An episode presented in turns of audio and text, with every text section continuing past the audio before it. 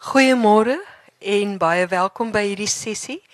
Ek wil net gou die huisreëls verduidelik voordat ek uh, professor uh, Pretorius voorstel. Wanneer die gesprek klaar is, gaan asseblief hier uit, nie agter nie. En as ek kan vra dat julle asseblief dadelik uitgaan, ons moet die saal regmaak vir die volgende sessie. Dan selfone af asseblief en boeke. Is jou boek hier? Die ATKV se 10. Goed. Uh Jackie se boek is by die ATKV 10 te koop, maar Jackie sal jy hier uh sit om boeke te teken? Ja. So as mense met Jackie wil gesels, uh net hier buite links van die deur is 'n tafel en as jy 'n boeke het wat jy wil hê hy moet teken, kan jy dit dan nou daar na hom toe bring of maar die punt is net gesels asseblief na die tyd buite. Uh, dan gaan die gesprek so 45 minute wees en dan is daar 'n kwartier vir vrae. Ek het die mikrofoon, so mense kan maar net hulle hande opsteek, dan bring ek die mikrofoon. Uh professor Frans-Johan Pretorius, afgetrede professor van Tikkies. Ek mens kan nou nie maklik sê die beste nie, maar ek het 'n vermoede dat hy ons grootste Anglo-Boereoorlog kenner in Suid-Afrika is. Ehm ja, Jackie knik sy kop. Uh hy het talle publikasies agter sy naam onder meer die verskroeide aarde. Nee.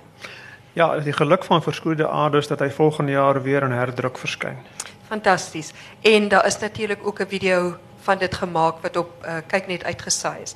So ons het uh hier 'n uh, wonderlike kundigheid en dan hy sal vir Jackie aan julle bekendstel. Baie dankie. Baie dankie Suzette. Uh, Goeiemôre dames en here. Dis lekker om 'n uh, klompie bekende gesigte hier te sien te midde van die wat nie vir ons so bekend is nie. Ons waardeer u teenwoordigheid en aan my kollega want ons is kollegas by die Universiteit van Pretoria waar ek nog so 'n bietjie klas gee op my ou dag. Uh Jackie, baie welkom hierso. Baie dankie. O, ons het 'n lekker gesprek. My eerste vraag aan jou is van waar hierdie belangstelling in die Anglo-Boereoorlog? Wel, Frans Johan deels van boeke van jou wat ek gelees het. Uh oor die Anglo-Boereoorlog. Ja, dan is jy 'n baie misleide man, so ek vrees jy moet niks glo wat hy verder sê nie dan. maar uh, dit ag dit kan eintlik nie anderster nie as as historikus. Ehm um, het, ek het 'n baie wye belangstelling soos jy weet en ek het ook al oor baie wye veld te skryf. En ehm um, my een oupa was 'n bitter einder in die Anglo-Boereoorlog en sy vrou was 'n uh, oorlewende van die Mafeking of Mafeking se desinus konsentrasiekamp. Ehm um, en wanneer ek klein was kan ek onthou dat ek wou ek altyd weet wat het gebeur. Maar my my pa het gesê sy pa wou nooit praat nie. Nou so was daar verstommend baie van die deelnemers in die oorlog wat agterna nie wou praat nie. Hulle wou nie dit dit, dit was vir hulle te traumaties geweest. Maar ek die belangstelling het gebly en ek het maar gelees en uh, soos jy ook toe ek in die laerskool was het ek mikro se burgers van die kleingeld komando en in daai boeke wat uh, wonderlike boeke was vir kinders het ek verslind. En gelukkig het ek altyd 'n goeie geskiedenisonderwyser gehad op skool op laerskool en op hoërskool.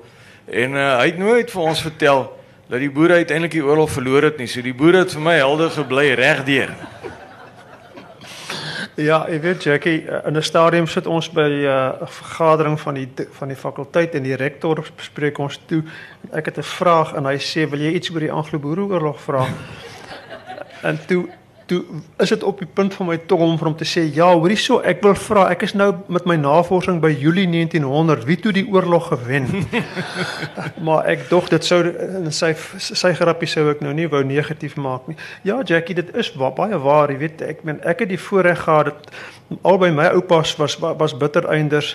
My vrou se een oupa grootjie was of was 'n henshopper gewees. So ek wen al die argumente by die huis dames. Ek ben daar is dis baie maklik. Ek verwys haar net terug na daardie tyd. Hy het daarom weer op komando gegaan. Ek wil jou vra Jackie met hierdie belangstelling van jou in 1999 was die uh, Channel 4 televisiemaatskappy hier nogal 'n uh, baie bekende Jonathan Lewis regisseur en hy hy vra vir my toe hierso ek wil met uh nasate van praat van mense wat aan die Anglo-Boereoorlog deelgeneem het. Wat sou jou antwoord vir hom wees as hy vir jou gevra het? Wel ek sê in die eerste plek hoe weet wat is sy motief? Hoekom wil hy nou met NASA te praat? Maar ek sou uit die adviessak soos jy my ken, jy weet, ek sou bereid wees om met hom te praat. Want ek glo eerder dat ek vir hom ons vertel as iemand anders. Uh as ek dit nou so kan stel. Uh hy gaan baie nie nie glo wat ons gaan sê nie want hy's 'n Brit. Uh so uh dat ek dan eerder vir hom uit 'n uit 'n taamlik ingeligte perspektief met hom praat. As iemand wat dink hulle weet baie maar wat nie wat nie baie gelees het nie, wat nie ingelig is nie, wat nie navorsing gedoen het nie. Ja, dit dit dit dit, dit irriteer my soms en uh, uh, soos jy dit nou verwys na verskroeide aarde dat jy selfs in so 'n program dokumentêr het, dan vra hulle mense wat nou regtig nie veel daarvan weet nie en dat en, en, Ja. maar omdat hulle iets oulik sê, is dit nou iets vir die program. Ja. My antwoord aan hom was gewees, gaan dit hier in die straat uit. Al hierdie mense hier wat hier in Pretoria rondstap, al hierdie Afrikaners het voorsate gehad wat in die oorlog geveg het. Dis anders as in Brittanje waar jy moeilik iemand kry wat wie se voorsate in die Anglo-Boereoorlog deelgeneem het. Hulle weet nie daarvan nie. Ja. Ek wil vir jou vra hierdie boek van jou oorlogbeeld as jy hom net so 'n bietjie vir die mense kan wys asseblief. Hy is oorspronklik War Reporter wat Jonathan Ball in Engels uitgegee het. Maar eintlik het jy oorspronklik in Afrikaans geskryf. Wil jy bietjie die geskiedenis hiervan vertel? Waar kom dit vandaan? Kyk, ek kan nou ge- gelukkig uh sit hier nou betrokke ook hier in die gehoor. Ek het in 19 uh 68 omtrent by my paale 'n boek persent gekry uh, met die naam van Die nuusbode van Anna Beseken wat hier in Stellenbosch uh uh aktief was in die geskiedenisdepartement sover ek weet. Uh, sover ek kan onthou, ek het haar nooit ontmoet ongelukkig nie. En uh die boek het die geskiedenis vertel in die vorm van asof dit koerantberigte is of berigte van joernaliste wat dan vertel wat gebeur. En ek het die boek verslind. Uh ek was toe nog op skool. En ek het altyd gedink ek wil een of ander tyd wil ek so 'n boek oor uh, iets van die Suid-Afrikaanse geskiedenis skryf. En toe hier omtrent in 1995 het iemand vir my gevra, ek kan werklik nie onthou wie dit was nie.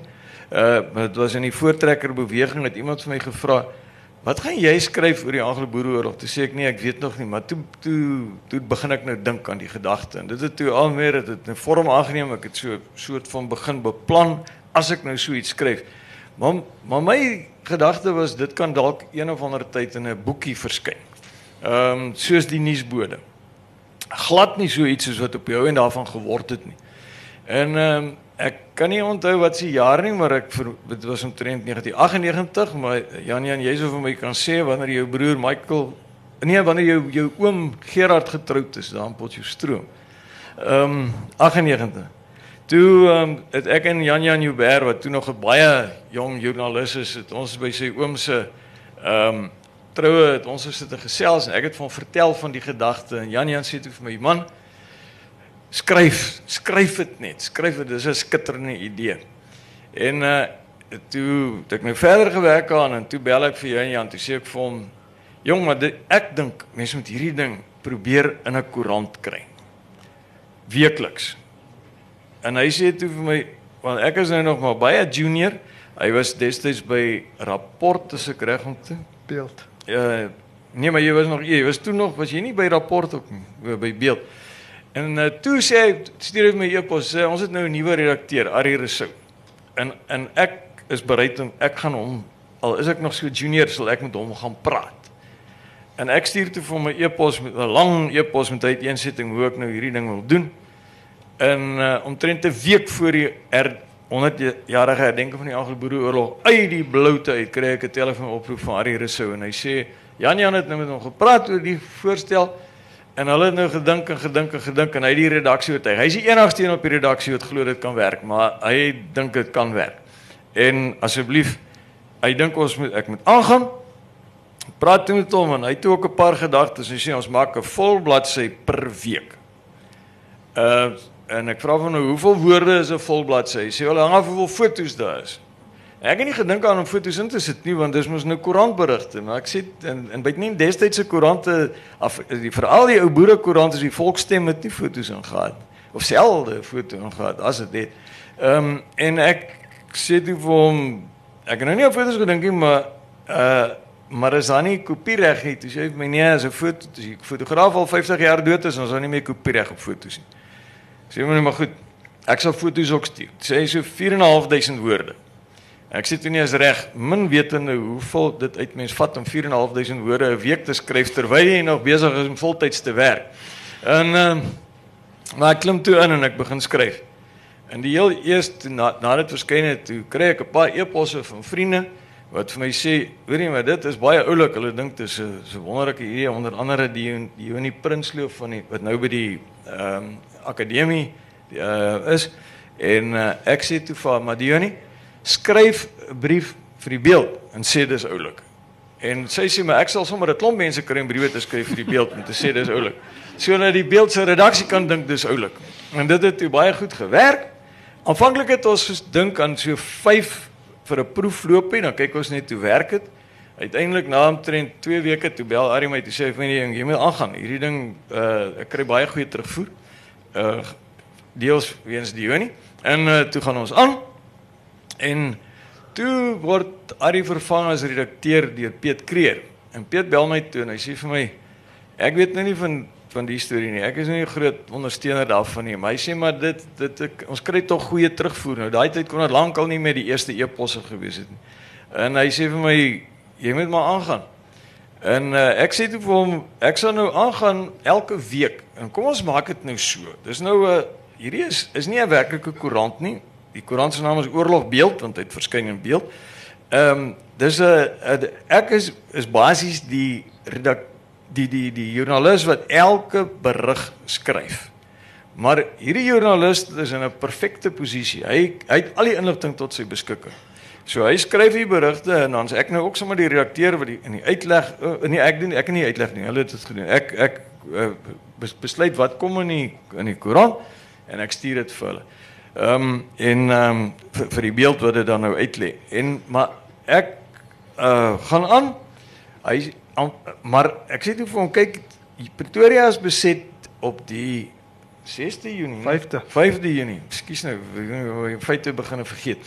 Uh die 5de Junie uh in uh 1900 en dan moet die koerant wat nou in Pretoria uitgegee word, Kwansuis, moet dan 'n koerant te velde word. Nou daar was boerekoerante te velde. Hulle het drukperse saam in die veld gehad. En ehm uh, dan word hierdie koerant, dan gaan dit kan ek baie maklik sê, dis nou baie moeilik om hierdie koerant weekliks uit te gee, so hy word nou 'n maandblad. Maar uh, Piet sê vir my tot my stomme verbasing, sê vir my nee man, kom ons hou aan op weekliks. Kyk ons hoe gaan dit.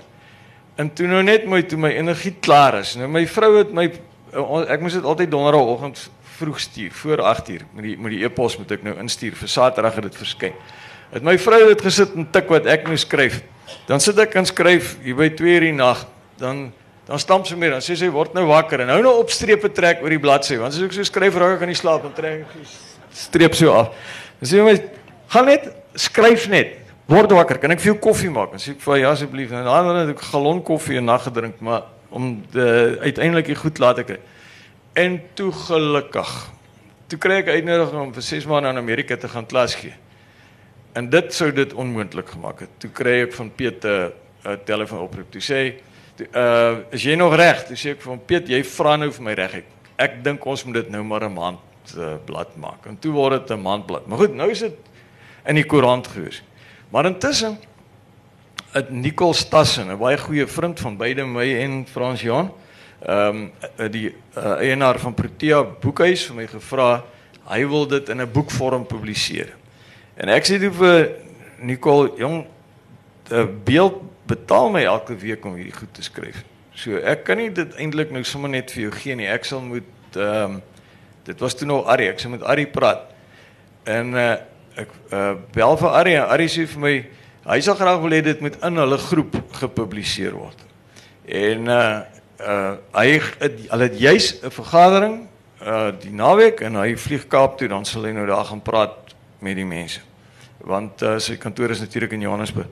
En toe die volgende week bel hy my toe sê vir my nee goed hy het nou uh, 'n bladsy saamgevat en uh Tafelberg stel nie belang nie. Maar Jonathan Ball wil dit baie graag publiseer en Jonathan sê hy hy nooi my ek moet by hom saam met hom gaan eet en middagete nou Jonathan hou baie daarvan om mense te nooi vir middagete. En skrywers hou daarvan om by Ja, en- uitgewers te eet, ja. Ja, en uh Ja, al goeie ete wat hulle kry. Toe onmiddellik die uitnodiging aanvaar en toe gaan eet ek nou saam met Jonathan en hy sê toe vir my maar ek wil dit in Engels sê. En uh ek sê toe vir hom nee, dis reg. Maar ek het 'n voorwaarde, ek vertaal dit self. En uh toe het ons toe het ek en my vrou in Amerika gesit dit en vertaal dit wat toe al geskryf is. En dit toe dit uitgekom as Harry Potter. Dis hoekom dit toe nou in Engels uitgegee is vir begin. En uh dit was in 2004 wat hy uit ag ja 2004 wat hy uitgekom en omtrent so 2 jaar terug 3 jaar terug het ehm um, Jonathan Ball my gekontak te sê hy wil graag met my praat en ehm um, um, uh, uitgewer in naam van Ingeborg Pelser was saam gewees en hulle het my toe ooreed dat dit moet nou in Afrikaans verskyn. Maar nou sê julle weet die van julle wat goed lank al op die rekenaar geskryf het. Jou rekenaar, party van die skywe het nou intussen weggeraak of hulle wil nie meer mooi werk in die nuwe rekenaars nie. So so daar's dele wat ek moes oorskryf. Uh wat ek maar weer terugvertaal het in in Afrikaans en uit die Engels uit. Maar nou ja, dit was dan nie so moeilik soos die die eerste te skryf nie. Maar nou het ek vir jou 'n lang antwoord gegee. Ja, nee, baie dankie daarvoor. Ek dink dit dit gee vir die vir die gehoor baie goeie Maar ek wil net idee. sê ek Jan Jan Joubert het vir my baie gehelp en ek het ek waardeer dit geweldig Jan Jan. Dis hoekom ek so bly as jy is hier vandag. Jan Jan, ek wil net byvoeg, my vrou het gevra, hakkel die ou dan dat hy dat dat hy Jan Jan is, maar maar goed, uh, um Dit moet jy vir sy ma vra, daar sit sy ook. Irma. In ieder geval, ek wil vir jou vra Jackie, jou jou, jou bronne, watse bronne het jy gebruik want kyk, ek moet eerlikwaar sê, ek het dit ek het ook iets soortgelyks gedoen vir vir vir vir kyk net in Johan Badenhorst wat nou bekend is vir sy 4x4 uh, uh, reise in Afrika, was die aanbieder en regisseur daarvan gewees. En ek het regtig swaar gekry om weekliks in, want ek het dit vir 'n jaar gedoen November 99 tot November 2000 om so iets elke week te hê. Wat watse bronne het jy gebruik vir jou vir jou war op al jou oorspronklike oorlogbeeld? Die oorspronklike oorlog. Ja. Kyk, ek het 'n taamlik 'n groot verskeidenheid bronne gebruik. Ehm um, dit is nie net die tyd om te skryf nie. Die tyd om te skryf is die minste. Dit het ek gewoonlik basies in een dag het ek alles het ek die 4000 4500 woorde geskryf. Maar maar ek dan dis na ek 'n klomp navorsing gedoen. Ja. En ehm um, my hoofbronne wat ek gebruik het aanvanklik was koerantberigte van destyds as ook ehm um, ek het gebruik gemaak van van uh Breitenberg se geskiedenis van die van die uh, Tweede Vryheidsoorlog soos hy dit nou noem. Ehm um, maar dit, dit is verskriklik gedetailleerd uh soos jy weet en uh dan het ek gebruik gemaak van ehm um, uh, uh, Almere en later aan was dit my hoofbron. Het ek uh dagboeke en herinneringsskrifte van boere wat in die oorlog deelgeneem het gebruik, maar dit dan vergelyk so ver moontlik met die beste historiese bronne wat ek kon kry ten einde seker te maak dit is uh feitelik korrek. Ehm um, ja. want want my doel was om 'n geskiedenis te lewer. Dit moenie net 'n leesbare geskiedenis wees nie. Dit is wel in die vorm van 'n koerant, maar dit moet baie meer betroubaar wees as jou gewone dagblad. Ehm um, onthou die joernaliste het toegang die joerna, die die skynjoernaliste wat nou skryf vir oorlogbeeld, het toegang tot die beste bronne. En nou byvoorbeeld die slag van Sanaspos het ek nou geskryf ehm um, dat die een joernalis wat nou die verslag lewer het ge, ge, uh, gepraat met Christian de Wet na na die geveg. En ehm um, maar hy het ook uh nie net met Christian de Wet gepraat na die geveg nie. Hy het soos wat hulle in die geveg ingegaan het, ehm um, was hy saam en het hy gepraat met van die boere wat nou geskryf het oor wat, by Sanaspos wat gebeur het en wat onseker was wat gaan hulle doen. So het hulle geskryf. Hier's hulle nou in die nag. Hulle het nie 'n idee waar hulle op pad heen nie. En dit het ek nou probeer weergee wat hierdie joernalis dan nou skryf en en hier gaan ons, maar die die bevelvoerder is is totaal hy laat ons totaal nie duister. Ons weet nie waarheen is ons op pad nie. Ehm um, om te om so te probeer spanning opbou. So geskrifte van deelnemers was die, was teen die einde my vernaamste bron. Ja. Maar ek die groot probleem was om seker te maak dis feitelik korrek. Ja, want jy sit juis met die probleem dat jou joernalis van destyds nie die volle prentjie het van Ja. wat gebeur en wat gaan gebeur en Ja. wat die uiteinde is nie. So jy het 'n kombinasie van die twee eintlik. Ja. Want spesifiek by Sanderspos soos jy nou uh, aandui, wou die wet nie vir vir die burgers laat weet waarheen is hulle nou op pad nie. Hy het eintlik van Brandfort af eers noordwaarts beweeg toe dit nog net voor son onder sodat die diegene wat dalk vir die Britte wou laat weet kan sê die wet is op pad noord en toe het hy in die nag omgedraai suidwaarts ja. na oos van oos van Bloemfontein heeltemal reg. Ja. Ja, dit dis dis nogal baie belangrik daar. Ja. Ehm um, iets byvoorbeeld soos soos soos Lukas Meyer wat wat my betref 'n bloody slegte generaal was. Uh hy is ek het al die jare gehoor hy's hy's my oupa grootjie se neef gewees. Toe het ek gelukkig in Celie se boek gesien dat hulle hulle is daar by die tweede geslag Meyers al is hulle toe nou uh, geskei. So daar daar's nie regtig daar's nie regtig uh, ooreenkoms met met Hoe het jy Lukas Meyer hanteer as as historikus of as 'n propaganda stuk van hier gaan hierdie generaal vir vir daai Britte op hulle baadjie gee? Ehm um, dit was uh baie keer nogal moeilik. Kyk ek ek ek maak nou asof hierdie koerant is 'n koerant uh die die die titel ehm um, in Afrikaans is Oorlogbeeld nuusblad oor die stryd tussen boer en Brit. Maar in in Worry Potter was dit gewees Oorlogbeeld uh 'n Worry Potter uh the Anglo-Boer through the eyes of the burgers. Dit was die titel. Nou dit is waaroor dit gaan. Dit is hoe die boere die oorlog belewe het. En dis hoekom ek dan ook my die dagboeke wat ek gebruik is boere dagboeke en die boere vroue in die konsentrasiekampe. Dit het my nie gehelp om die Times History te gebruik nie, want Times History is uit 'n Britse oogpunt.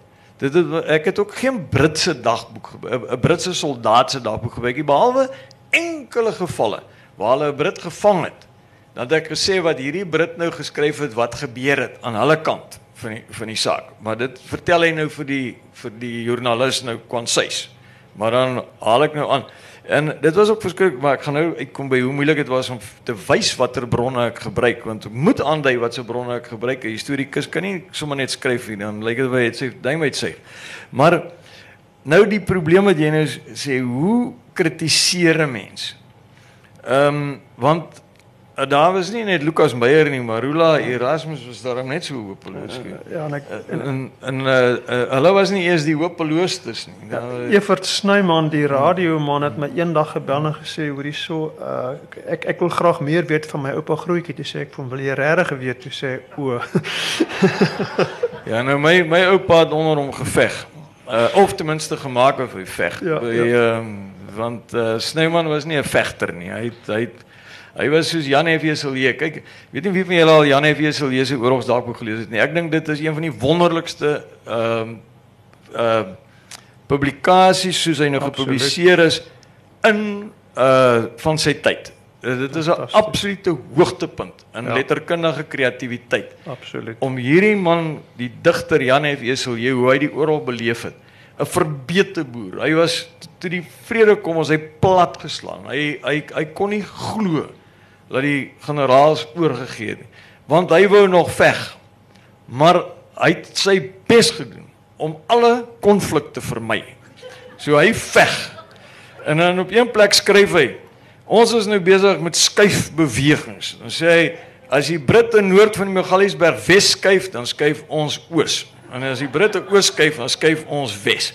Ehm, um, maar sy doel was net en en hy het dit besef, die boere uh, deel van hulle strategie was, as hulle net lank genoeg kan aanhou, gaan die Britte moet opgee. En in 'n mate het hulle daarin geslaag want want die Britte het op die ou end wat my betref regtig baie goeie vredes ehm um, ehm um, voorwaardes aangebied en dit was omdat hulle so moeg was vir die oorlog. En mense soos Janie Weselje wat die enigste keer in sy hele dagboek wat hy skryf wat hy geskied het op die Engelse was by Norvalspont. En toe kon hulle nie, hy sê ons kon nie die Engelse sien nie, maar ons het 'n paar skote op hulle afgetrek. Nou ehm um, so uh het, het hy enige ander plek wat jy van weet geskryf? nee nee hy het uh, omdat hy uh, redelik doof was het hy maar gewoonlik in 'n geveg die perde opgepas Ja. En en 'n keer toe gee die veldkon net vir my 'n perd. Toe het hy so vinnig moontlik die perd vir ons gegee. En uh, hy nou nie dalk moet veg nie. Maar goed, maar maar ek vir Janie Wesel hier gaan ek nie kritiseer nie. Maar vir daai kwansuise boere generaals, so Snyman en Skooman en uh Erasmus en Meyer. Lukas Meyer. Ehm um, hierdie mense uh, ek het toe begin om 'n uh, ek het dit in die koerant nie dadelik gehad nie, maar ek het van hom teen die tweede uitgawe af, het ek 'n kolommetjie ingesit van die redaksie. Ja, ek wil jou juist vra daaroor wat was hierdie jou van die redaksie het ek toe gebruik om dan kritiek uit te spreek. So in die berigte sit ek maar net feitelik wat het gebeur. En dan het ek in die van die redaksie het ek gesê, maar as generaal Meyer tog net meer beslis opgetree het. En hoekom die boere nie aangeval het nie, kan ek verstaan. Hoekom daar was 'n ooreenkoms dat generaal Erasmus sou Empatie berg beset. Maar hulle het dit nie beset nie.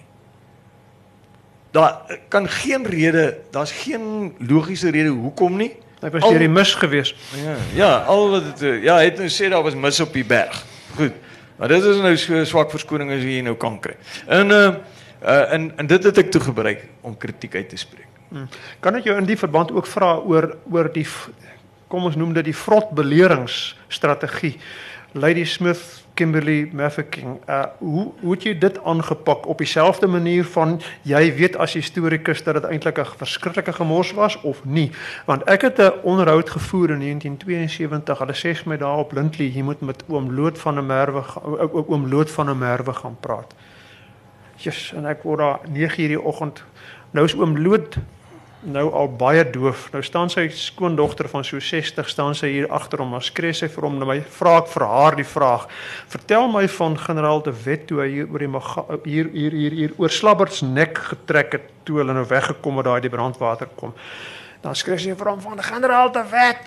Dan uiteindelik hoor hy dan sê hy, ja, Toe trek ons oor Slabbertsnek. Maar by Lady Smith het ons vir 4 maande, nou praat hy hard, 4 maande gelê niks doen nie. Sê ek nie, ek wil nie van Lady Smith weet, ek wil Slabbertsnek weet en dan so het hy heeltyd teruggekom na Lady Smith en dit is 72 jaar na die gebeurtenis. Dit is in sy geheue gegraveer. Dit was 'n hengse fout. Hoe het jy hierdie hierdie fout in jou boek hanteer? Ehm um, vir 'n begin ek die eerste paar berigte geskryf het oor die belerings, het ek dit nou baie positief. Hulle gaan nou die, hierdie is die beste taktiek want dit is hoe hulle gevoel het. Want ek het weer gesê ek het probeer weergee hoe die boere dit gevoel het. En dit was my grootste uitdaging was hoe om weg te kom van ek weet wat gaan op die end gebeur. Maar hierdie joernalis wat nou skryf, weet nie wat gaan gebeur nie.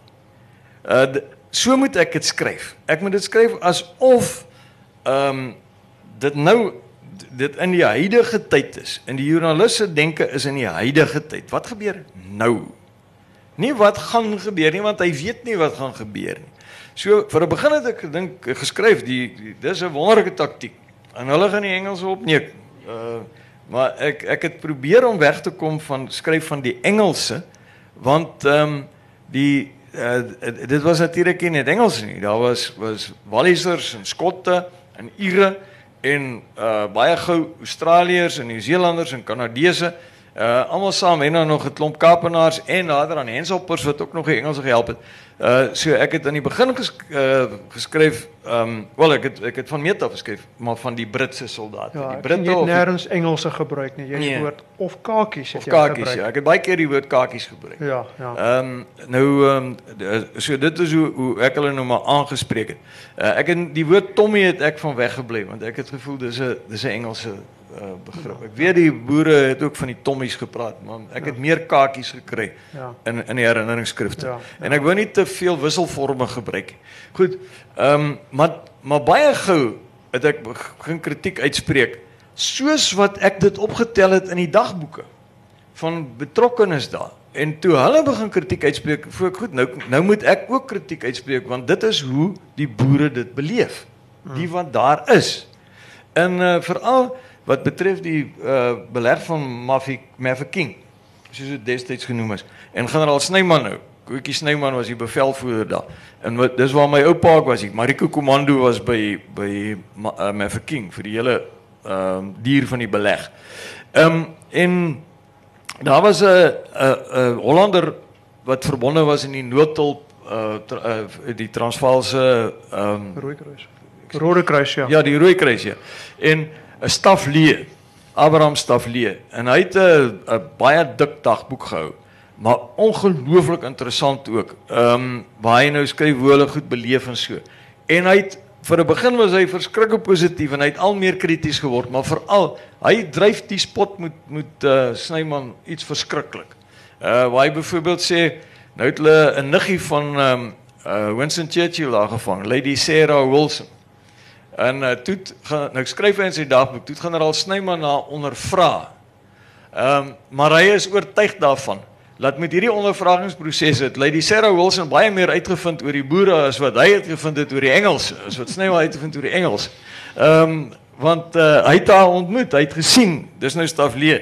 Hierdie is 'n fyn vrou en sy weet wat sy doen en sy weet hoe om 'n man om haar pinkie te draai. En sy het waarskynlik vir ou ou kwetjie Snyman se dit nie 'n lam gemaak en te vertel hy vir alles wat sy wil weet. Ehm um, dis wat hy voorgee. Nou dis nie net Staflee wat so gevoel het nie. Daar van die ander boere het, het, het ook geskryf. Hulle het geen vertroue in Snyman nie.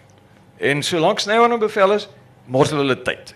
Ehm um, maar dit was nie net by by ehm um, ehm um, Mafeking nie, selfs by uh, Lady Smith. Ehm um, en ek het uh, reguit geskryf in die, in die redaksioneel toe hulle nou uiteindelik die beleg verby is. Hier is nou soveel weke van tydmors en energiemors verby. Ja, ja. Jy praat so van die Hollanders, daar was hierdie storie gewees van hierdie Hollandse vrywilliger. Nou hulle boere het hulle gespot omdat hulle nie eintlik kom perdry nie. En toe eendag toe is daar inderdaad ook hierdie Britte wat hulle oorval en al die boere spring op hulle perde en jaag weg en hierdie Hollander gaan na sy perd en as hy sy voet in die stubeel wil sit, dan stap die perd aan. En dan probeer hy weer en as hy voet in die stubeel sit, dan stap die perd aan. En hier kom die Britte oor die jy wil en daai Hollander sê vir hom ek wil jou vloeke maar ek het voorlopig geen tyd dus voorlopig in duisend donders maar wat wel ook waar was en ekskuus dat ek nou uh die die verhaal hier vertel maar in een van die dagboeke vertel hierdie Afrik hierdie boer van hierdie Hollander wat nie uit 'n komperd ry nie en omdat hy nou sy perd wou uitken tussen die ander dat hy so rooi doek om sy nek gebind daar sy perd as hy hom nodig het. En in een van hierdie vlugte het 'n boer verbygekom met 'n verskriklike maarperd. Sy perd geen die bene het so uitgesteek hier ribbes. En wat hy toe maak is hy stop klim af van sy maarperd en hy vat daai doek en hy los sy perd daar en hy bind die rooi doek om sy eie maarperd en hy's weg met die Hollander se vet perd. En die Hollander kom by sy perd en sê: "God, wat is dat beest skielik mager geworde?" en die Hollander die die boer skryf in sy dagboek, hy sou nie byvoeg wat hierdie Hollander gesê het toe hy agterkom die perd het skielik ook van geslag verander nie. uh, Jackie, ek wil 'n laaste nee, uh, daar's nog tyd en ek wil nog graag 'n storie van jy het Christian de Wet genoem en daar's daar's nou weer 'n storie, maar jy moet my nou maar verskoon, ek haal aan, dis nie ek self wat dit sê nie. Een van die Vrystaatse artilleriste toe hulle Rodewal beskiet, toe uh, sê generaal de Wet vir hom skiet. En hulle skiet daar die eerste skoot wat ou kaptein Miller op daai stasiegebouetjie skiet sien net rook trek. En de Wet sê maar hy het gelisp. En hy sê toe, dis in sy moer en mis. En toe toe toe kon kaptein Miller daarom vir hom verduidelik en kyk met die verkyker, dis nie mis nie, dis raak. So ek meen pas op vir 'n ou wat lisp. Hy kan ja. vir jou allerlei vloekwoorde vertel en so. Ja. Jackie, ek wil jou vra oor swart betrokkenheid. Jy weet, uh Ek het in die argief na die tyd 'n inligting gekry het in die koerante het uh, in die jare 50 skielik ter sprake gekom swart mense se betrokkenheid. Iets wat tevore eintlik nie uh, to totaal geïgnoreer is. En toe het een van hierdie burgers geskrywe, uh, uh, uh, oudstryders geskryf. Ek het op komando nooit 'n swart man as 'n vyand ontmoet nie. So ek weet nie waarvan jy praat nie. So daar's sekere groepe wat swart mense ervaar het as 'n bedreiging en daar's ander groepe wat daardie bedreiging nie gehad het nie. Hoe het jy swart betrokkenheid uh want dit is 'n baie sensitiewe onderwerp. Hoe het jy dit hanteer? Wel, ek het uh, in die eerste plek uh dit was destyds nie beskou as 'n baie sensitiewe onderwerp nie. So ek het dit nie so beskryf asof dit 'n baie sensitiewe ja. onderwerp is nie, want dit was nie in die tyd toe van die oorlog is dit nie so gesien nie. Ja. Ehm um, maar uh, ek het glad nie weggeskram van nie. Ek het dit nie probeer toe uh, stop nie. Ehm um, ek het geskryf daar was baie swart mense in die boerekommandos gewees, veral in die uh in die in die in die begin. Ehm um, maar hierdie swart mense het hoofsaaklik uh, sover ek kon vasstel, want dit is wat die boere geskryf het. Uh en veral van die buitelandse vrywilligers wat dagboeke gehou het, skryf dit lyk wel die boere kan nie klaarkom sonder 'n 'n 'n swart bedienis wat kos kook en wat na die perde kyk en wat die wat die veronderstel is om die kamp skoon te hou uh en dis meer. Uh so hulle die die uh wat ek kon aflei in die begin was die swart mense hoofsaaklik gebruik as bedienis soos op die plase. Maar dit was vir my uh tamelik duidelik dat daar tog ook swart mense moes uh betrokke gewees het in gevegsituasies, so ek het dit ook dan so behandel want daar's hier en daar fotos uh van waar boere staan na 'n geveg met hulle gewere en dan staan hier 'n swart man tussen hulle met 'n geweer. Ehm um, nou ek het net soos wat ek geen twyfel het dat al wat 'n swart mense is wat by die slag van Bloedrivier in die laer was het gehelp want hulle lewens was net so op die spel. So die swart mense wat in die boerekommandos was ook mos help want hulle lewens is ook op die spel. Uh hier word nou geskiet. Hier word oorlog gemaak en die, en die idee is om die vyand soveel leed as moontlik aan te doen. Maar ek het my daarop toegelê om hier en daar spesifieke gevalle ehm um, van te skryf. Soos byvoorbeeld uh, president Steyn se agterryer uh, Jan Reuter. Uh wat toe, toe uh, op een uh, geleentheid het uh, die Vrystaatse regering wat president Steyn ingesluit het geslaap op um, die in die dorpie Ryds wat vroeër totaal verwoes is deur die Britte maar daar het nog hier en daar 'n gebouetjie gestaan en um, hulle die uh, 'n tentjie daar opgeslaan en van hulle daar aangeslaap en en Steyn het soos sy gewoonte was elke nou opgestaan maar hy het weer gaan lê. Toe Ryder hom aan sy voet vat vir hom sê hy moet vinnig kom.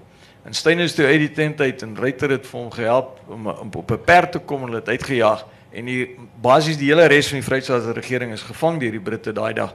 Hoekom word hy gebruik jy die woord basies? Maar goed, uh was ja, dit was net Steyn wat die woordspel, ek uh, klom basies, maar goed. Nee, nee, nee, nee, nee, nee, nee niks daarmee doen. Die, die uh, res van die regering is gevang, maar Steyn het, het ontsnap.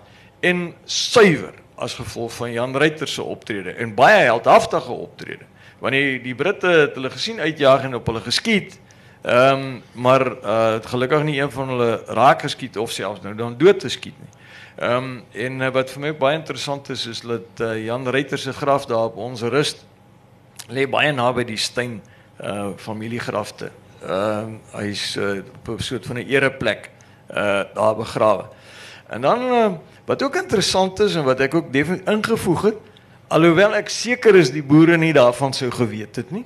Ehm um, die Britse ehm um, soos, soos wat eh uh, ehm um, wat is sy naam uh, Leipold dit beskryf het in in eh uh, oom Gert vertel die Markie Lou, die martial law het uh, onder andere uh, optrede teen koerante in die Kaap wat enigstens die boere goedgesind was ehm um, dit ingesluit.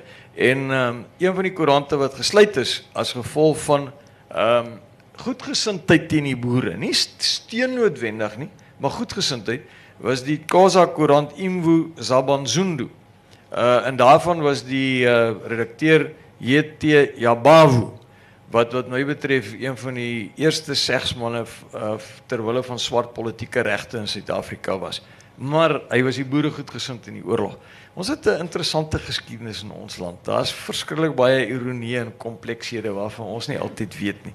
Uh, maar ek het dit ingesit in die in beide in die Worry in die oorspronklike oorlogbeeld in die koerant, soos dit verskyn het, in die Worry Potter en ook in die oorlogbeeld want ek het net gevoel al sou die ek sê weer die boere op komando dink ek nie het, het dit geweet nie. Maar ek dink tog dis wetenswaardig. Hmm.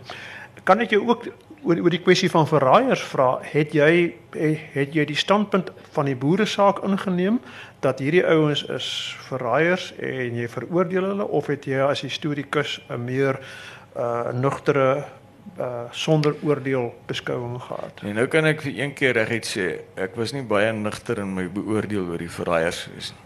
Uh hierdie is 'n is 'n koerant uit die boere oogpunt. En uh, ek dink hierdie boere het eintlik simpatie vir die verraaiers gehad nie. Ek ek ek ek kan nou hierdie keer sê basies het hulle geen simpatie met die verraaiers gehad. So dit sou vir my onvanpas gewees het om in die oorlogbeeld 'n simpatieke houding teenoor die verraaiers in te neem. Ehm um, want uh alhoewel ek persoonlik uh simpatie het vir vir vir, vir sommige van hulle optrede. Ek praat nie van die van die van die joiners nie, maar van die handshoppers. Ek kan verstaan. Ek ek kan werklik mense kan nie anders dit begrip. Uh daarvoor dat daar baie van hulle handshoppers was en nou het ek seker ook eintlik nie 'n keuse nie want my uh my my my ouma se pa was 'n uh. Ehm maar uh Uh, ek kan hom nou nie my eie familie nou veroordeel uh voorgeslagte nie, maar die punt is in in 'n boerekoerant van die oorlog. Uit die boerekoerant se oogpunt was hierdie hulle het van ehm um, van hulle gepraat as die Judas boere wat vir 'n handjie vol geld hulle eie mense verraai het. En uh, dit is die standpunt wat ek deurgangs gehandhaaf. Nou kyk die boere het nie gel geld gehad op gekry op komando nie terwyl die Ja, die die verraaiers het wel. Ja, die farm guard soos hulle genoem is byvoorbeeld. Ja, ja. Het- het- Kan kan ek jou vra Jackie, uh watter uitgawe of watter berig het vir jou die grootste bevrediging gegee om te skryf? Wel ek sou sê een as ek nou so uit die vuis uit sê daar's so baie wat vir my baie Daar's 'n verskil tussen uit die vuis uitpraat of uit die duim uitsuig. Albei Nee nee kom nee, nou as ek uit die hart uit Dis 'n handeling, jy weet As ek nou uit die hart uit moet praat, maar uit die vuis uit moet dink. Ehm um, so ek sê die beskrywing van ehm um, uh Delarey se uh, oorwinning by by die klipdrif uh oor Metheen en dan sy hantering van Metheen na die geveg. Ja, wil jy bietjie daarop uitbrei ek bedoel. Ja, ek die, die vir die van julle wat nou nie weet nie, dit was in Maart in 1902. Dit was die laaste groot geveg van die Anglo-Boereoorlog. En ehm uh, uh nou ek het ek was amper soos baie keer hierdie Britse ehm um, oorlogskorrespondente wat prentjies geteken het van gevegte. Dan sien 'n mens soos by die slag van Bronkhorstspruit in die in die Eerste Vryheidsoorlog om 'n voorbeeld te noem. Dan teken hulle die berge en alles daar in die omgewing, maar dis plat. En nou ehm um, het ek gelees in die boeke dat generaal Delarey se komando het meteen verras. Ehm um, ek wonder ja, goed uh, goed gebruik gemaak seker van die geografiese ehm uh, omsta uh, terrein ja, hoe die hoe die heuweltjies lê en die valleie en so.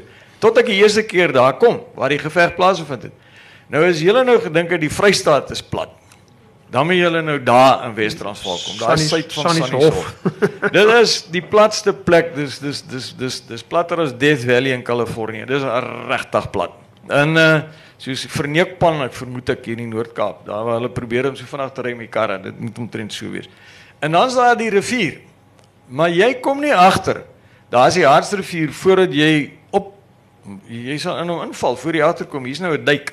Waar water is. Ehm, en dis nou die rivier. En dan is hy so ver van hier af na die voorste rykie toe. Dis die hele Hartsrivier, né? Nee, dis nie 'n verskriklike rivier nie. Dis nie die Nyl nie. Okay. Nou daar het generaal uh Delarey op die 7de Maart die oggend sy komando ingestuur en hulle die generaal Metheen wat 'n gedigte en ervare Britse bevelvoerder was verras en sy komando oorrompel ehm um, en homself gevange geneem nadat hy ernstig gewond is in die geveg. Hy het ehm um, uh, uit 'n skoot deur sy been gekry toe hy weer op sy perd het en toe toe die perd onder hom dood te skiet en toe die perd val toe hy so geval dat sy been gebreek het sy bobeen. Nou bobeen breek destyds was 'n ernstige saak. Ehm um, nou nog is dis nou nog baie ernstig. Meestal met 'n ortoped dit vir jou las met eisters. Nou daai tyd kon hulle dit natuurlik nie doen nie. So nou hier lê Metheen en hulle ry het hom uh toe gehoor hy hy's in in uh, gevang en ehm um, hulle ry het 'n dokter gehad Gou praat. Ekskuus. Ek- ek- Ons Ja. spreek graag hier mense. En uh en die dokter het toe hom ondersoek vir Metheen en toe sê hy vir hom daar is nie 'n manier wat hierdie man hierdie wond gaan oorleef